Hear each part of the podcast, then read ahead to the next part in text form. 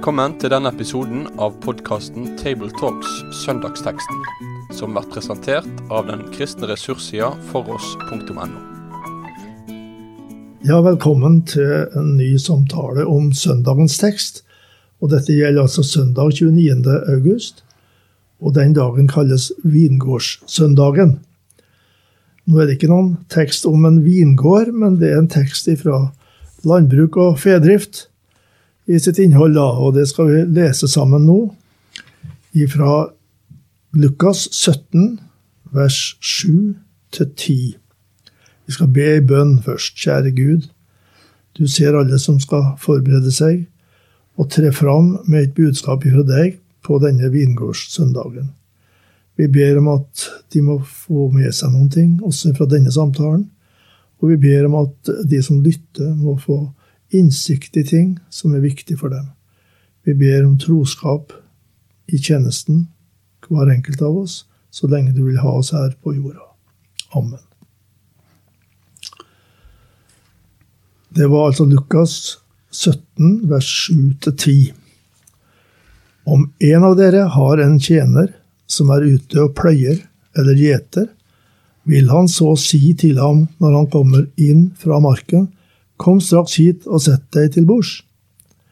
Vil han ikke heller si til ham, Gjør i stand kveldsmat for meg, bind opp om deg, og vær min oppvarter mens jeg eter og drikker. Og så kan du selv ete og drikke. Takker han så tjeneren fordi han gjorde det som var ham pålagt? Det tror jeg ikke. Slik skal også dere, når dere har gjort alt det som er pålagt dere, si vi er unyttige tjenere, vi har bare gjort det vi var skyldige til å gjøre. Ja, det er jo et bilde, da, eller en lignelse henta fra landbruk og fedrift, og avspeiler en tid da det var slaveri. Teksten tar ikke direkte oppgjør med noe slaveri, det er ikke poenget i hele tatt. Poenget er å si noe om hva som er og skal kjennetegne en tjener, en som vil tjene Gud, tjene Jesus. Men nå, Asbjørn og Svein, har de kanskje tenkt litt, og kanskje de har preika over denne teksten? Ja, det kan de tenkes at jeg har det. Altså Det er viktig, som du sier, at det gjenspeiler en annen tid. Og det er jeg oversatt her også i visse sammenhenger trell eller slave. Så det er ikke bare tjener det er snakk om det var et, eh, et sosiologisk forhold her som vi ikke kjenner igjen. Så vi må ikke gå videre på den linjen. Det er jo heldigvis avskaffet slaverivesenet. Og eh, bildet her er jo en småkårsbonde som kanskje bare hadde én slave. Mange kunne ha flere. Og det var da en som jobbet både ute og inne. Og, og poenget er at dere må ikke vente å få så mye lønn. Og jeg tror det er hovedsaken i det Jesus vil si her, at både jøder og kristne har tradisjonelt vært opptatt av det. Får vi noe lønn for å følge Jesus? Er det Lønner det seg, liksom? Det er det, den problematikken vi må inn på, tror jeg. Ja, nei, Jeg har jo fått denne som prekentekst noen ganger opp gjennom uh, årene, jeg også. og Jeg må vel være ærlig å si at det er ikke liksom da du blir mest begeistret, når du ser at det er dette som er teksten. For uh, Eh, de gode poengene springer ikke helt i øynene når du leser gjennom. Du blir liksom sittende og tenke Oi sann, hva, hva, skal vi tale om her? Og så har jeg vel, tror jeg, hver gang klart å ikke bare uh, tvinge inn noen evangeliske poenger, men uh, kanskje i lys av det dere allerede har vært inne på, sett at også her så ligger det tråder som vi kan Trenger ikke å dra så hardt i dem før vi aner et bakteppe. og også en virkelighetstegning som, eh, som evangeliet har veldig god plass i. Men da må vi kanskje gjøre litt mer arbeid enn det de fleste gjerne gjør når en leser en tekst, for evangeliet sprir ikke rett ut av, av linjene her. Men det er her, og så skal vi sette inn i en sammenheng som bl.a. Asbjørn er, er, inne på. Uh, uttrykket som brukes som unyttig, kan også brukes som uverdige. Mm. Ser bl.a. når en ser i kommentarer og i ordlisten her, så, så, vi må være litt åpne for hva dette nå innebærer. Ikke for å ta effekten av det som sies, men forsøke å forstå hva det er Jesus her vil ha fram. Jeg har i hvert lyst til å nevne allerede i starten at hvis vi, hvis vi leser dette veldig sånn smalt, så kommer vi direkte strid, i hvert fall tilsynelatende gikk veldig strid med andre tekster.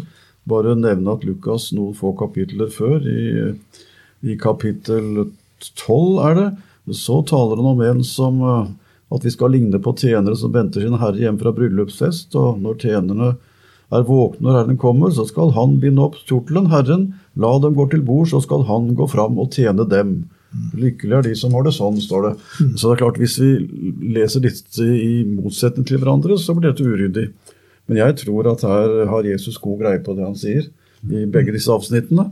Og det er dette vi må prøve å få fram i dag. Da. Ja, det er noen poeng der som eh, begge de tekstene har, på hver sin måte. Jeg har hatt det alltid som prinsipp de siste ti åra, når jeg har preika over evangelietekster, å ha med i tanken hvem er han som forteller Ja, lignelser, da. Hvem er han som forteller dette? Og hva fullførte han? Så det som skjedde med Jesus til slutt, som er det fundamentale i vår trosbekjennelse, det er en lyskaster over alt det Jesus sa før han døde og oppsto. Og Derfor blir en sånn tekst også med i det som skal forkynnes i lys av at han døde for våre synder og oppsto til vår rettferdiggjørelse og gitt oss et evig håp. Men han har også satt oss inn i en tjeneste her på jord.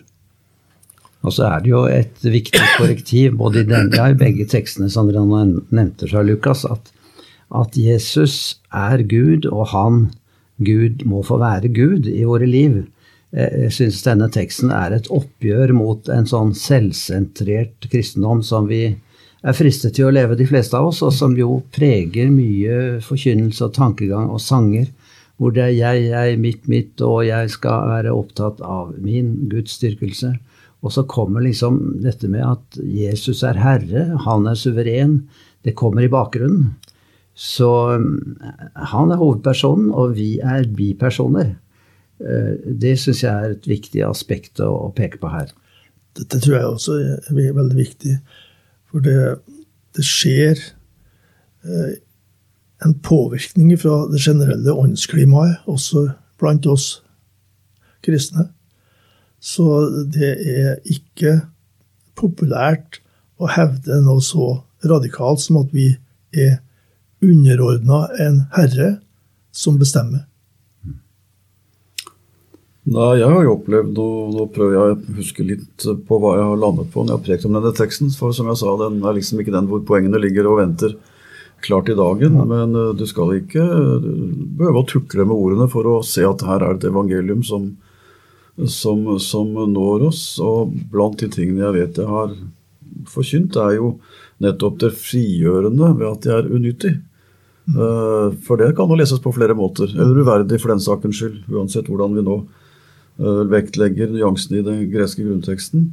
Så, så, er det noe veldig frigjørende for en kristen å vite at det er han jeg tjener, som er i dypeste forstand den som har ansvar for tjenesten.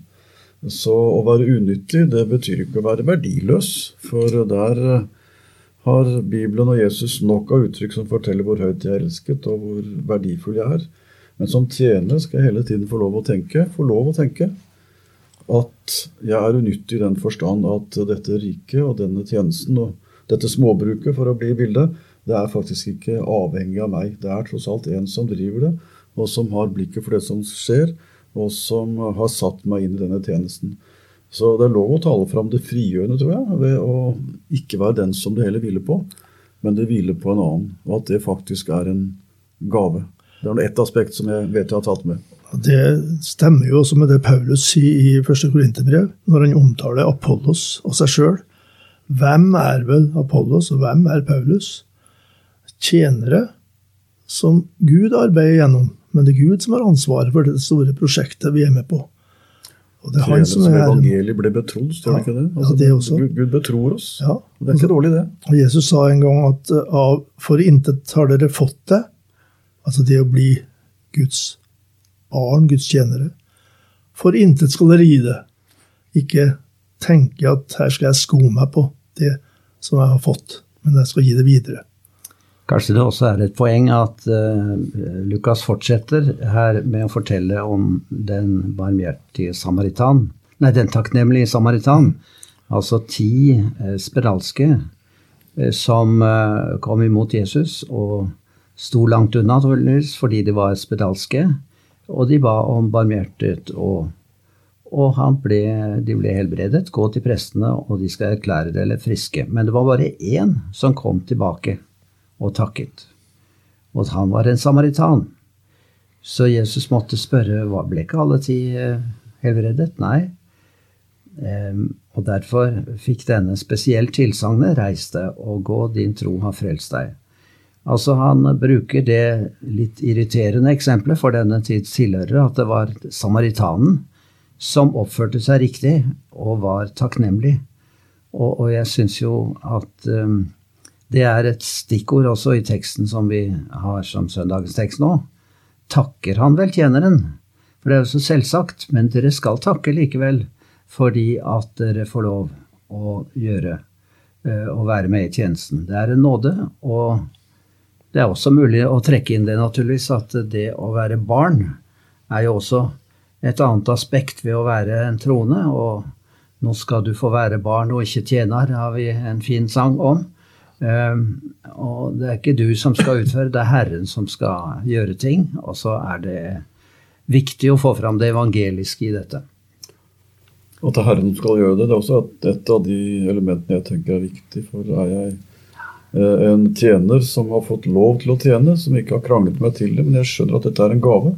Det fins jo ikke noe større enn å være en tjener i Jesu rike. Bildene på det er jo så vakre også. Det er både grener på vintreet og lemmene på, på, kroppen. Så andre bilder på det vi her taler om, er jo i stand til å hjelpe meg til å se en, en helt annen storhet enn det enkle uttrykket her, eh, sett alene. Og så er det en viktig sak da, og det illustreres av de eksemplene jeg nevnte fra Jesu lignelser om vinter og kroppen, at resultatene, det som oppnås, det som gjør at det skjer noe gjennom den tjenesten jeg står i, det hviler på han og ikke på meg. Så jeg skal ikke være den som ved veis ende skal stå ansvarlig for resultatet. Hvis jeg har vært en tjener og tenkt at jeg får lov å tjene en som har satt meg til det, så er det han som ved veis ende også skal stå der og ta den endelige oppsummeringen, og så er det han som har ansvaret. Så det er en, en sa det litt uhøytidelig og nesten uverdig, at det er en type hellig ansvarsløshet.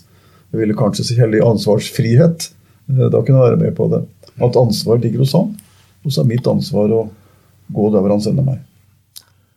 Jeg har arbeidet mye med Luthers lille katekisme den siste tida. Og det er så mange enkle, sterke formuleringer, også i trosbekjennelsen, men i Luthers forklaring også, der han skriver til andre trosartikkel Han har frigjort og frelst meg, kjøpt meg fri, ikke med sitt ikke med gull eller sølv, men med sitt eget blod. Og den frigjøringen, den omtalen av den om, øh, ender slik for at jeg skal være hans egen.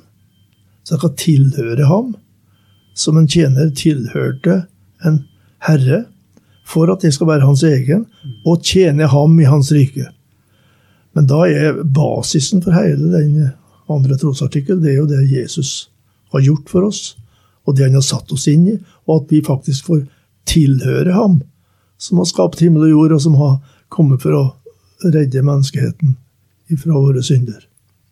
Da, da, blir det en veldig viktig sak med den evangeliske rekkefølge, ja. Egil. At du tjener deg ikke inn i frelsen, men den er en frukt av den. Mm. ikke sant? Ja.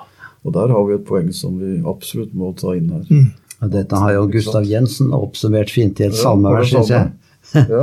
Ei, for å tjenes Herren kom, han kom her ned for å tjene. Helt gjennom dødens angst og dom gikk han den høye og rene. Selv sa han, størst i himmerik er den som fritt og uten svik andre vil elske og tjene. Så her er to tredjedeler av salmen om Jesus' tjeneste for oss. Men da er det størst, fritt og uten svik, å få lov å elske og tjene Ham som har tjent oss først. Ja, jeg tror ikke vi jukser med teksten uh, hvis vi sier at evangeliet her ligger jo at det er en forutsetning for at jeg forstår den tjenesten. Mm. Det er en som har tjent meg først. Og på det grunnlag står den tjenesten. Da, da, det blir ikke så dårlig, dette her. Nei da. Jeg begynner å gruble også på, hvis jeg skulle ha preika her, hva, hva, og noen sitter og spør hva, men hva er det å tjene Jesus? Hva, hva betyr det å tjene Gud? Hva gjør jeg da? Ja, Det er et godt spørsmål. Det, at det går an å dreie fokus imot faktisk, det du faktisk gjør. Uh, og nå etter at jeg har arbeidet så mye med katekismen, så tenker jeg dobbelt om dette her, da. Vi er satt her i verden som mennesker som tilhører Gud, og som kristne er vi da hans egne. Og da skal vi virke blant våre medmennesker, også i det vi før kalte verslige regimentet. Altså her i de jordiske kallsgjerninger som vi er satt. At det er en del av tjenesten fordi vi gjør den for Gud. Og så er det kallet til å krysse grenser med evangeliet og være med og bygge Guds menighet på ulike måter med ulike nådegaver. Så alt dette der vil være en del av Eller vil være å utgjøre det det ligger i å tjene, da. Å være en tjener her. Nei, Da har du jobbet med Luther. Da har du fått friska opp Luthers kallsetikk om ja, ja, ja. å tjene i det daglige. Mm. Der hvor vi er satt, og samtidig ha et ansvar for Kirkens forkynnelse til dem som ikke har hørt. Mm. Så her, her, står ikke disse to tingene mot hverandre. Vi er tjenere i alt det vi gjør i den daglige gjerning. Og så har vi sammen med de andre et ansvar for å dele evangeliet med dem som ikke har hørt. Jeg er i det poetiske hjørnet i dag, jeg, så du skal få høre et annet vers. Aks som står ranke og høye, har gjerne liten verdi, men de som seg ned må bøye, eh, føde til mange kan gi. Gode og fruktbare grener senker seg dypest mot jord, og selv den ringeste tjener kan være åndelig stor. Med andre ord, ydmykheten er jo fremhevet i dette verset av Grete Salmonsen Hynnekleiv.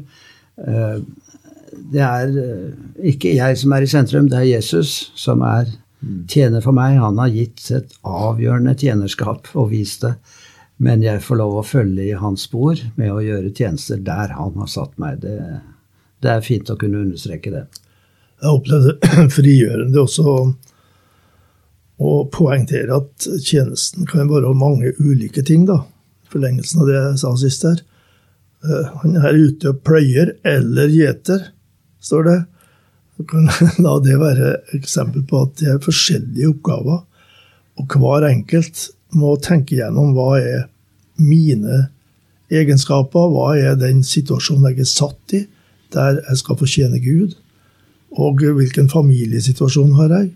Hva kan jeg bidra med som en Guds hånd inn i den eh, konteksten jeg er, både her i det hverdagspliktene og i menighetslivet der jeg er med. Og her er det så mye forskjell på folk.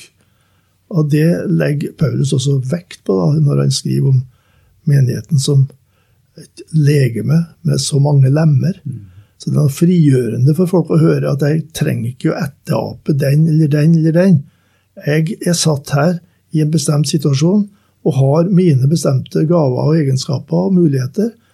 Jeg må også ha tid til å slappe av hvis jeg skal virkeliggjøre alt dette her. Så det er mange aspekter ved dette vi kan komme inn på i preika, tenkte jeg. Jeg prøver å hjelpe folk til, som er opptatt av å se ting man skal se rundt seg. Mm. Og, og, si noe om at eh, skal du ha et skarpt eller godt blikk på det Gud kaller deg til, så får du passe på at du også har et godt blikk på Jesus hele veien. Fordi det, det, vårt blikk rundt det skjerpes av å være mm. festet på Han. Det er litt paradoksalt at jo mer jeg ser på han, jo mer ser jeg tingene rundt meg. Men det er noe, et av de paradoksene jeg tror de fleste vil, vil skjønne. At uh, nærhet til Jesus gir nærhet til mennesker. Hjelp meg å skue med ditt blikk. Yes, ikke sant? ja. Den gamle misjonssalmen. Den, mm, ja. den, og den gjelder ikke bare for misjonærer i Asia, Asbjørn. Den tror jeg gjelder for kristne i hverdagen i Norge. Altså, hvis jeg holder meg nær til Jesus, så får jeg hjelp til å se med hans blikk. Og Det kan være naboen, det kan være ektefellen, det kan være noe på jobben eller hvor vi er. Og selvfølgelig også langt bortenfor alle grenser, folk som ennå ikke har hørt. For Jesu blikk ser både det kort, nære og det fjerne. Og hvis jeg skal se det, så må jeg ha blikket festet mye på Jesus. Det er jeg dypt overbevist om. At nær Han, så kommer jeg nær oppgavene. kom til å tenke på det i Filippebrevet 2 ennå. La det sinn være i dere, som må være i Kristus Jesus. Men da går han ikke direkte inn på hva betyr det for deg i din hverdag da, men da går han inn på hva har Jesus gjort. Han som kom, han som fornedret seg, han som ble opphøyet, han som er Herre. Det, Selve frelseskjernen. Hele kjernen blir da en slags modell for oss når vi skal tjene.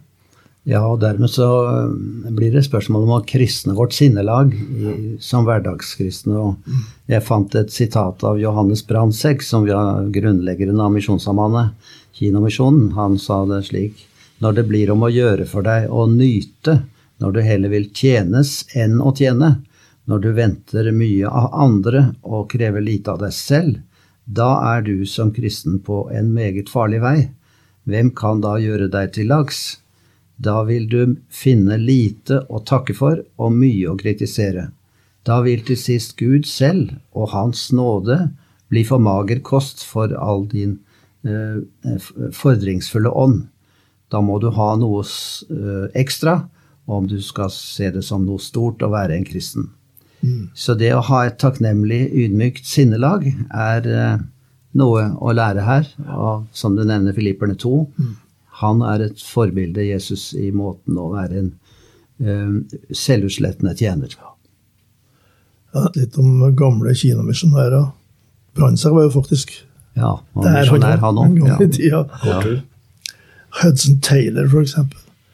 Det, det, var folk som da fikk et særlig kall. Det må vi være åpne for altså, i Guds menighet, at det er noen som får særlig, et særlig oppdrag i tjenesten. Det er ting som må gjøres som andre ikke kan få gjort men som du kan gjøre. Og Sånn opplevde han sitt liv. Og så etter hvert ble det hundrevis av misjonærer i fotsporene til Hudson Taylor. I eh, China Inland Mission. Og ja, tusener som måtte forlate Kina i 1949. Og, og Taylor var i sin tid da, opptatt med at de nye misjonærene måtte få plasser som passa for dem. Og samtidig forventa han at de var hengitt i sin tjeneste. De som da var for sjølopptatt, de kunne like godt dra hjem. Så det er noe her, altså. Ja. Da er vi kanskje kommet til mål i dag. Det vil si, vi er ikke kommet til mål, men mm. De som skal preike her, har kanskje fått noen tanker med seg, og vi vil virkelig be og håpe at de når godt inn til hjertene til folk med budskapet. Med det sier vi takk for følget for denne gang.